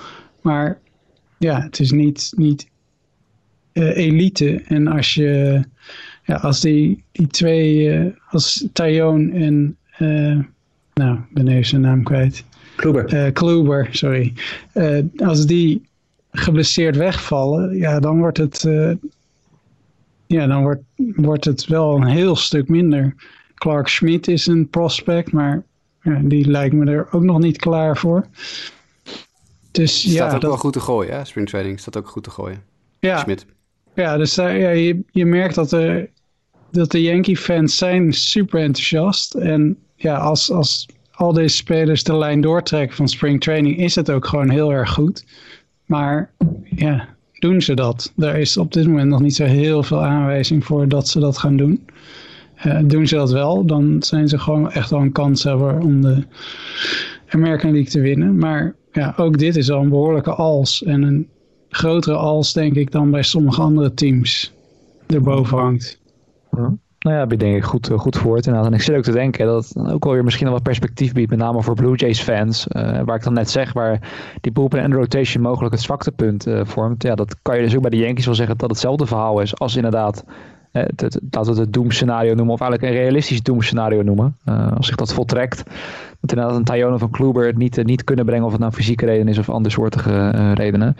Biedt perspectief natuurlijk voor Toronto en ook misschien het verlengde van Tampa Bay en dan toch ja, mee te kunnen met de Yankees. Die natuurlijk ook vorig jaar af en toe bij tijd en wijle lastig, lastig hadden. Maar in ieder geval ja, als je kijkt naar onze voorspellingen, lijkt in ieder geval iedereen in de redactie er toch vertrouwen in te hebben dat over het algemeen natuurlijk de Yankees wel binnen deze divisie de favoriet zijn. En dan misschien nog maar uh, af te sluiten met dat voorspeldeel. Want als je natuurlijk dan hebt gevolgd, ook met het eerste deel, zien we dus de Astros, de White Sox en de Yankees als de winnaars van hun respectievelijke divisies. De Minnesota Twins zijn uiteindelijk uitgekomen als eerste wildcard team. En de Toronto Blue Jays dan als tweede wildcard team. Waarbij ook zie ik hier Oakland en Tampa Bay uh, ook nog wat stemmen krijgen. Uh, in het verlengde daarvan. Uh, dus dat zijn dan de derde, vierde die er net buiten zouden vallen. Uh, maar dat zijn dan de playoff teams die wij in de American League zien. Kijk ondertussen ook met de schijnig naar de tijd. We zijn lekker lang aan het doorpraten Ach, over ja. de American League, zie ik. Dus laten we meteen doorpakken met de awards. Wordt dat niet de derde aflevering? Ja, nee, nee, nee. nee, nee. Ik wil zeggen, laten we de awards in aflevering 3 uh, verstoppen. Nee, we gaan, uh, we gaan wel gewoon door. Laten we beginnen met de AL Rookie of the Year. Ik zit even te kijken. In de uiteindelijke eindstand zie ik in dat Ryan Mountcastle van de Orioles... samen met Randy Arozarena van de Tampa Bay Rays... en Jared Kellenick van de Seattle Mariners op één staan. En daarachter ook stemmen. Gedeeld tweede zijn Garrett Crochet van de White Sox... Dane Dunning van de Rangers en Tristan McKenzie van de Cleveland Indians. En ja, Ryan Mountcastle was ook, dat is mijn dude, hè? dat weten we allemaal. Dat, uh, ja. Ik heb hem ook gedraft in fantasy volgens mij weer. Um, ik denk serieus dat hij echt wel een goede kans maakt. Ik had bijna op hem gestemd. Daar had ik je hem de absolute nummer 1 gemaakt, hè? Want dat was absolute, ja, ik had hem de absolute nummer 1 kunnen maken, ja, inderdaad. Randy Rosarena, ik denk dat er een absolute crash komt van Randy Rosarena. Denk ik ook, ja. Ik vond het, het was de makkelijke keuze, crash. maar ik wist gewoon even niks anders. Maar ik, ik geloof er niet in, hoor. Ik heb bijvoorbeeld in ook overal vermeden. Uh. Ja, ik ook, als een gek. Want dit gaat een enorme crash worden. Die jongen heeft zo'n waanzinnige postseason gedraaid. Die, die ja. weet niet wat hij nu moet doen met een heel normaal seizoen. En plus, die heeft nog wat incidenten in het offseason gehad met arrestaties van familieleden en zo. Dus die is ook nog afgeleid geweest. Dus ik geloof ik helemaal niet in Kellenick. Vind ik een leuke pick, maar ik weet niet of Kellenick genoeg in de majors gaat spelen om te kwalificeren. Uh, Mike, ja, Tristan McKenzie, wil je daar wat over zeggen? Ja, dat uh, is de AL Rookie of the Year voor dit jaar. nee, ja. nee, ik vind uh, vorig jaar uh, hebben we natuurlijk ook al gezien op het hoogste niveau. En ik zat even die lijst door te scannen. En toen dacht ik wel van ja, dit is wel een speler die mij het meest is bijgebleven. Dat ik dacht van nou, fris, gewoon super goede pitches. en ik, ik, ik ja, kijk, het punt is, dit heb je al vaker aangesneden. De kans dat een pitcher het gaat winnen is niet zo heel groot, want het is maar één keer in de vijf dagen. maar goed, ik dacht van, laat ik voor een leuke pick gaan. Ik vind dit een, eh, een, een leuke speler waarvan ik hoop dat hij uh, de stap in de goede richting weet te zetten. En, uh, en ik denk wel dat hij kans maakt.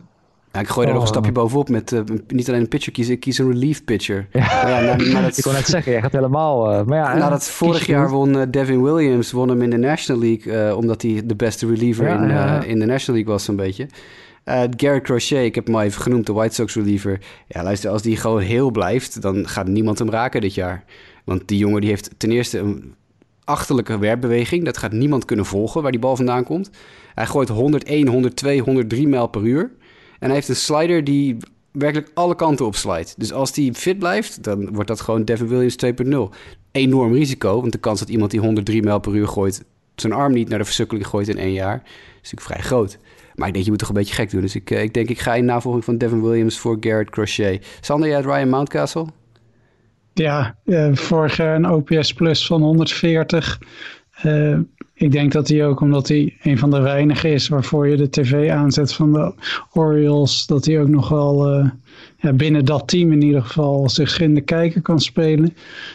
Misschien wel de ster wordt dit seizoen. Ja, ik, en, en slagcijfers, slagstatistieken doen het altijd goed bij dit soort awards. Dus ik dacht, ik ga voor, veilig voor een slagman. Ja. Ik zit hier nog wel even de, de betting odds op te zoeken voorafgaand aan het seizoen. Dit is van twee dagen geleden, Rookie of the Year. Er staat Rosarena en dat denk ik niet heel verrassend op één.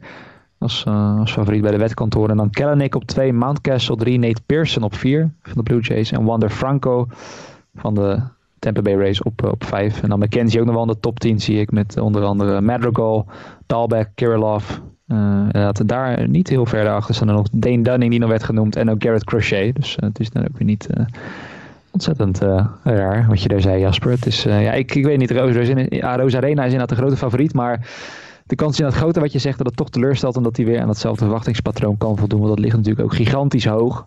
Uh, want ik bedoel, tot de postseason wist niemand überhaupt wie Randy Arena was. Ja, nu weet de hele wereld het. Benieuwd hoe hij met die druk om, kan, om kan gaan. Maar wel genoeg talent in ieder geval, zo blijkt maar om in de gaten te gaan houden. Gaan we door naar de EL Cy Daar kwam uiteindelijk redactiebreed de winnaar uit. Naar de naam luistert van Garrett Cole. Verrassend. Ja, het is niet heel verrassend. Hè? Dan daarachter Lucas Giolito op 2 en gedeeld derde Lance Lynn en, dat vind ik wel heel interessant, Lionel Chris Sale. Uh, ik weet niet, hoe snel komt Chris Sale terug? Dat, dat duurt er nog even. Uh, nee, dat gaat niet worden, nee. nee. Dus ik, dan, uh, moet hij, nee. dan moet hij echt een belachelijk seizoen meteen draaien. Die, uh, ik, ik waardeer Lionel's optimisme, maar dat gaat er niet gebeuren. Het is wel leuk, het is wel leuk. Maar ik zie uh, inderdaad Jasper, Mike, jullie al Lucas Giolito. nou ja, Jasper, aangezien het jouw guy is, mag jij beginnen. ja, het is natuurlijk nee, een ja. van de topfavorieten inderdaad. Daar meer kan ik eigenlijk niet over zeggen. Dat is met Garrett Cole. Ik, ik, schreef in mijn artikel dat over een paar dagen online gaat... waarin ik mijn picks nog een keer uitgebreid toelicht... Uh, dat er op dit moment volgens mij maar iets van vier werpers zijn in de American League die stuff-wise uh, op, ieder moment, op ieder moment unhittable kunnen zijn. En dat is een beetje wat ik heb probeer aan te geven. Bijvoorbeeld een Hyunjin Ryu of Kenta Maeda, die vorig jaar top 3 finishte allebei in de Cy. Dat zijn niet jongens die op ieder moment volledig unhittable kunnen zijn. Dat zijn ontzettend goede pitchers, maar die gebruiken een andere manier van pitchen om succesvol te zijn.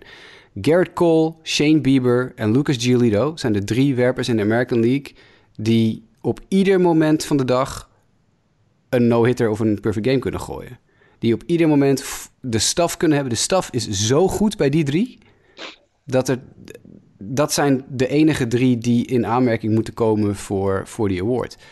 Ja, en dan denk ik, oké, um, Bieber heeft hem vorig jaar gewonnen. Mm er bestaat altijd een kans dat dat in het tweede jaar weer minder is. En dat mensen dus tegen elkaar af gaan wegen, weet je wel. Dat gebeurt wel eens. Dat je kijkt, oh, dat was niet goed als vorig jaar, dus gaan we naar iemand anders op zoek.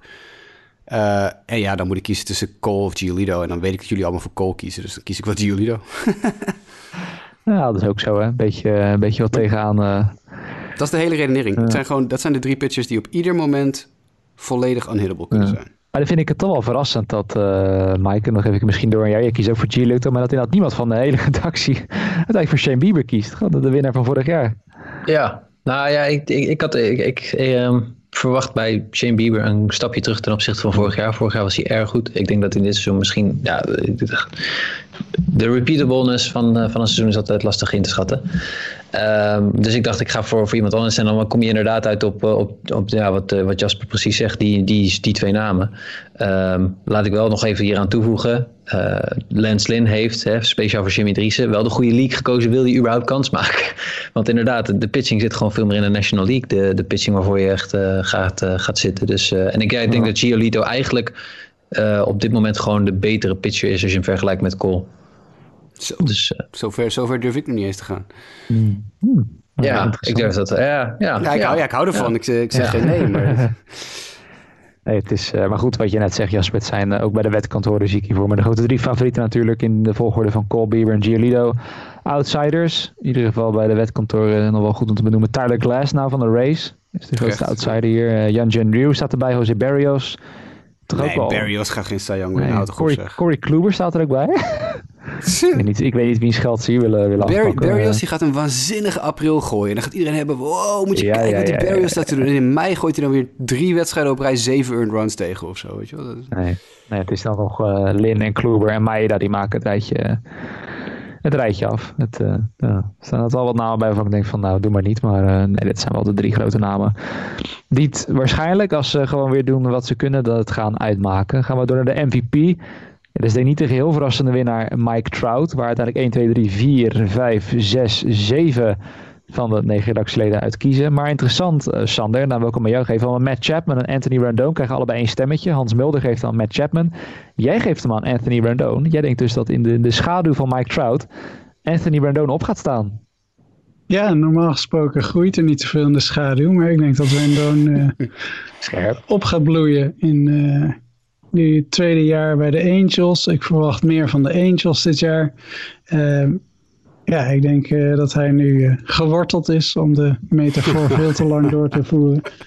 Uh, en ja, ik, ik dacht, ja, natuurlijk is Mike Trout een veel grotere favoriet, maar ik wilde hier eens afwijken. En ik denk, ja, er zijn andere kandidaten zeker, maar ja, ik, ik zie hem wel de bal uit zijn broek slaan dit seizoen. En ja, ik denk dat hij weer een beetje de... Nou, hij had volgens mij best een redelijk seizoen, zijn eerste seizoen. Maar ik verwacht dat hij nog veel beter kan. En ik denk dat de Angels veel beter worden. En ik denk dat hij daar helemaal in meegaat. Ik zei in het begin van deze aflevering, of de vorige week niet meer, dat ik spijt had van ja, net. Ja. ja, ja, spijt dat van mijn pick. Ik heb vertrouwd gekozen. En ik vind Sanders redenering eigenlijk heel erg mooi. Dus ik wil daar een beetje op aanhaken. Ik heb eigenlijk namelijk spijt dat ik niet voor Shohei Otani heb gekozen. Oeh. Want ik ben volledig op... En dan blijven we toch in het Angels-tijdperk. Uh, en dat is misschien ook een van de redenen dat Sander en ik allebei de Angels zo hoog inschatten. Hij, hij denkt dat Rendon MVP kan worden. En ik denk dat het of Trout of Otani gaat worden. Uh, Trout is, uh, nou ja, komt moeilijk op gang in spring trading weer. Had natuurlijk vorig jaar niet zijn allerbeste seizoen aller tijden. En ik heb bijna ieder uh, moment van spelen van Otani gezien deze spring. Dat kwam toevallig iedere keer zo uit dat iedere keer als hij ging pitchen of uh, in de line-up stond, dat ik dan toevallig kon kijken. Kijk. Oh, het is die jongen toch ook goed. is die jongen toch ook goed, man? En die van de week in Spring 2 dus een wedstrijd gedaan, dat hadden we het in de vorige uitzending over. Dat hij mm -hmm. dus uh, start in de pitcher in de top of the first en dan lead-off hitter in de bottom of the first, weet je wel. Gewoon lekker, uh, ja. lekker veel doen. In die wedstrijd ging hij ook geloof ik weer drie uit stond hij drie keer op het honk. Hij gooide vijf echt unhittable innings zo ongeveer. Waarom, waarom niet Otani? Als de Angels inderdaad het zo goed ik, gaan doen als wij uh, allemaal denken, of tenminste als ik in ieder geval denk en als Sander denkt. Waarom, waarom dan niet Otani? Vanaf de heuvel en aan slag. Het zou, uh, ik denk dat wij allemaal voor zouden tekenen. Het zou inderdaad een, fantastisch uh, en een leuk seizoen dan worden als Otani het wordt. In ieder geval. Dat gaat sowieso worden als hij heel het jaar fit blijft en uh, aan de verwachtingen voldoet. Maar het is een, het zou een mooie zijn. Want inderdaad, ja, Mike Trout voor de rest door heel veel mensen ingevuld. Is ook bij mij, het is meer gewoon een soort automatisme. Omdat het nou eenmaal de voorhand liggende keuze is. Ook hier, als ik de, de odds erbij haal, ja, Mike Trout, uh, dan moet je aardig wat geld inzetten. Als je daar nog een beetje wat voor terug wil, krijgen. En daarachter uh, worden vooral als belangrijkste concurrenten gezien Brackman, Judge, Ramirez, Rendon en Chapman. Dat zijn de vijf grootste concurrenten, in ieder geval in de ogen van de Amerikaanse wetkantoren achter Trout. Otani staat er ook wel. Bij er nog iets grotere outsiders bij. Onder andere bij Moncada zie ik hier, Guerrero Jr., Abreu, Torres van de Yankees. En dan nog George Springer staat daarbij van de Blue Jays. Dus, ja, er zitten een paar heel ver gezochten bij. Ja, klopt ook. Ja, dat, uh... Maar ja, misschien is Otani dat ook wel, maar fuck it. Ik heb Trout hier staan, jongen. Ik zal het niet meer veranderen. Ik, ik heb, dit hebben we nogmaals drie weken geleden al ingevuld nee, maar, of zo. Uh... En inmiddels zijn we drie weken aan, uh, aan springtraining uh, wedstrijden van Otani verder. En ben ik eigenlijk wel om. Maar ja, oké. Okay. Het is iets om over na te denken. Dat, ja. Dat zeker. En dan tot slot de American League Manager of the Year. En uh, daarin kregen we liefst vijf managers stemmen van de redactie. Charlie Montoyo, die kreeg eigenlijk de meeste. Lionel, Sander, Dennis en Mick, die gaven allemaal hun keuze aan die Montoyo. Daarachter uh, allemaal één stem dan hè, voor Rocco Baldelli, Joe Madden, Bob Melvin en Tony La Russa. En dat was ik niet, wil ik vast even zeggen. Nee, nee, nee. Tony La Russa, dat was mijn pick. Ja, ja gewoon puur gebaseerd op het feit dat ik dus denk, hè, ondanks het nieuws wat we net hebben besproken van Jiménez, dat de White Sox het gewoon ontzettend goed gaat doen. En dan denk ik dat Tony La Russa daarvoor beloond wordt met de Manager of the Year bij zijn, uh, bij zijn comeback. Het zou, wel, het zou wel een mooi verhaal lijn, ja. een mooi verhaal in zijn. Ja, daarom. daarom. Dus uh, daar moet je een beetje over, uh, over nadenken. Jasper, jijzelf koos voor Joe Madden. Nou ja, dat sluit denk ik vooral een beetje aan. Hè. Ik bedoel, je kan het wel nogmaals uitleggen, maar gewoon op de hoop en de verwachting dat de Angels natuurlijk gewoon heel goed gaan doen. Dat is, dat is het, ja. Ik verwacht dat de Angels de, de, de AL West gaan winnen. Dat hij ze naar de playoffs brengt voor het eerst in uh, sinds Sint-Jutemus. Dus uh, easy pick. Ja. ja. en dan uh, Mike, je had Bob Melvin. ja, natuurlijk al een tijd bij Oakland het gewoon sneaky goed doet. vind ik het ook wel gewaagde pick. Omdat ik dan juist denk dat Melvin misschien zo iemand is die dan een beetje vergeten weer wordt bij het stemmen. Als de A's het wel weer oké okay doen. Maar... Ja, maar ik denk als hij, als hij de postseason haalt met de Oakland Athletics, dan uh, gaat de erkenning naar de manager, zeg maar. Vaak in dit soort gevallen. Dus dan zou je wel kunnen zeggen dat hij weer knap werk heeft verricht met de middelen en spelers die hij zeg maar, tot zijn beschikking heeft. Dus vanuit een positief scenario redenerend voor Oakland, uh, ga ik er dan vanuit dat hij uh, de manager of the year zou zijn. Ja, ik zit ook even snel op te zoeken wanneer hij hem heeft. hij heeft hem ook driemaal, driemaal gewonnen. Nee. Even, laatste keer was, was 2018. Hij heeft hem in 2007, 2012, 2018 gewonnen, staat hier. Ja, Kevin Cash won hem vorig jaar toch? Oh, ja. Ja, en de ja. voor Baldelli, toch? Ja, maar als we nou terugkijken, dan was Bob Melvin een goede nummer 2 geweest vorig jaar, toch? Ja, zeker. Zeker. zeker. zeker. Ja, dus die wordt ook genoemd. Uh, nou ja, Sandiato Montoyo. Uh, nou ja, dan hebben we het weer over een, een hype team in de Blue Jays. Uh, waarbij jij dan dus denkt, en dat is niet zo gek denk ik, meerdere mensen dachten dat, dat Montoyo daarvoor de erkenning gaat krijgen voor Toronto. Ja, hij stond, is volgens mij, vorig jaar werd hij volgens mij tweede of derde in de verkiezing. Dus ja, hij staat dan op de lijstjes. En uh, ik verwacht dat uh, de Blue Jays de playoffs gaan halen. En nou, een beetje dezelfde lijn als Mike net zei. Dat uh, als zij dan de playoffs halen, dan zal de, zullen de credits naar Montoyo gaan. Veel eerder dan bijvoorbeeld als Boone eerste wordt met de Yankees ja, in die zeker. divisie. Dan zal de prestatie denk ik van Montoyo hoger aangeslagen worden dan die van Boone. En ja. denk ik dat hij ermee vandoor gaat. Ja. Nou ja, het is inderdaad alleen, eh, ik zit ook te kijken naar iemand die dan niet genoemd is. Dan is alleen Kevin Cash misschien wederom weer. Stel dat de race toch weer ineens, verwacht het niet, maar boven zichzelf uitstijgen. Uh, dan, zal dat nog een, uh, dan zal die weer naar de naam ook weer op gaan duiken. Uh, het zou toch wat zijn hè, als de Tigers ineens tweede worden in de AL Central, een wildcard pakken en dat MLB vervolgens AJ Hinch tot manager of the year moet uitroepen. Dat is ook al... dat zou het zijn hè, dat zou het zijn. Dat, dat zou pijn doen bij ome, ome Rob. Oh. Dit, dit, is wel een bruggetje naar, naar de, de, vraag die ik zei van hou deze nog even vast. Welk team gaat na 20, 25 wedstrijden de onverwachte startblokken team zijn, zeg maar. Er is altijd een team, meestal zijn het ja, de Marlins of dan zijn het de, de, de Mariners. Mariners, Mariners is het ook vaak. Wie gaat dat zijn? Het hangt er vanaf hoe onverwacht je het vindt. Ik bedoel, ik zou bijvoorbeeld de Angels zeggen. Ik denk dat niemand verwacht dat de Angels goed zijn dit jaar. Dus als de Angels naar de eerste 25 wedstrijden bovenaan staan, gaan mensen misschien wel zeggen: hé, hey, wat is hier aan de hand? Maar eh, om het meer in jouw thema te houden, uh, denk ik. Dat zou kunnen. Nou ja, ik maar denk, denk bijvoorbeeld meer aan dat de Blue Jays bovenaan staan of zo. In plaats van de Yankees. Dat is ook wel verrassend, toch? Ik vind de Mariners ook wel zo'n team dat dan ja, af en toe ineens... Ik wil even snel het schema erbij zoeken van de Mariners inderdaad. Beginnen tegen... Uh, nou ja, en dan Kikuchi, die dan ook die eerste paar maanden echt uh, soort legendarische status. en dan komen ook de Dodgers al tegen, Interleague. Wel de Giants aan het begin, White Sox, Twins, Orioles. Dat is niet heel makkelijk. maar Orioles is wel een four-game series. Dat uh, biedt weer perspectief. Uh. Biedt perspectief voor Ryan Mountcastle om er vijf uit te mappen, bedoel je? dat kan ook zo, maar ja, als hij de juiste werpen tegen zich over heeft, uh, geen Marco Gonzalez, dan kan het ook dus zo. Het maakt voor Ryan Mountcastle niet uit. hij, hij, Ryan Mountcastle is, is pitcher-proof. Hmm, nou. we will see, we will see. Het is ieder geval bij zo spijt uh, dat ik hem niet gekozen heb voor Rookie of the Year over twee oh. weken. Oh, goed, oké. Het is in ieder geval de American League die helemaal ontleed is uh, bij deze. En ja, het is ook maar een paar dagen, hè? 1 april.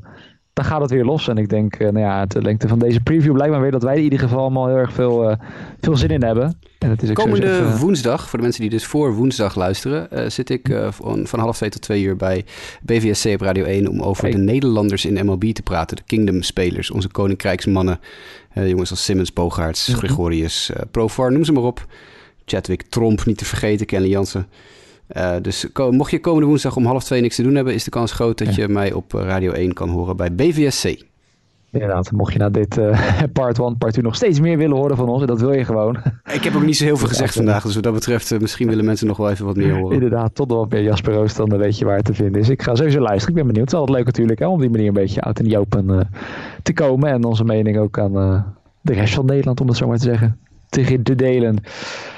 Maar goed, American League Preview. Het was hem. 1 april beginnen we. We gaan denk volgend weekend ook maar even kijken wanneer wij dan terugkomen. Die eerste paar, paar dagen te bespreken. Want er gaan ongetwijfeld dingen gebeuren die leuk zijn, die bespreken waard zijn. En dan uh, zullen we er vast en zeker weer bij zijn. Dan gaan we natuurlijk de rest van het seizoen weer los. Check ook vooral natuurlijk de website, hè, want de laatste 30 in 30's komen eraan. Van de teams die vorig jaar bovenaan eindigden.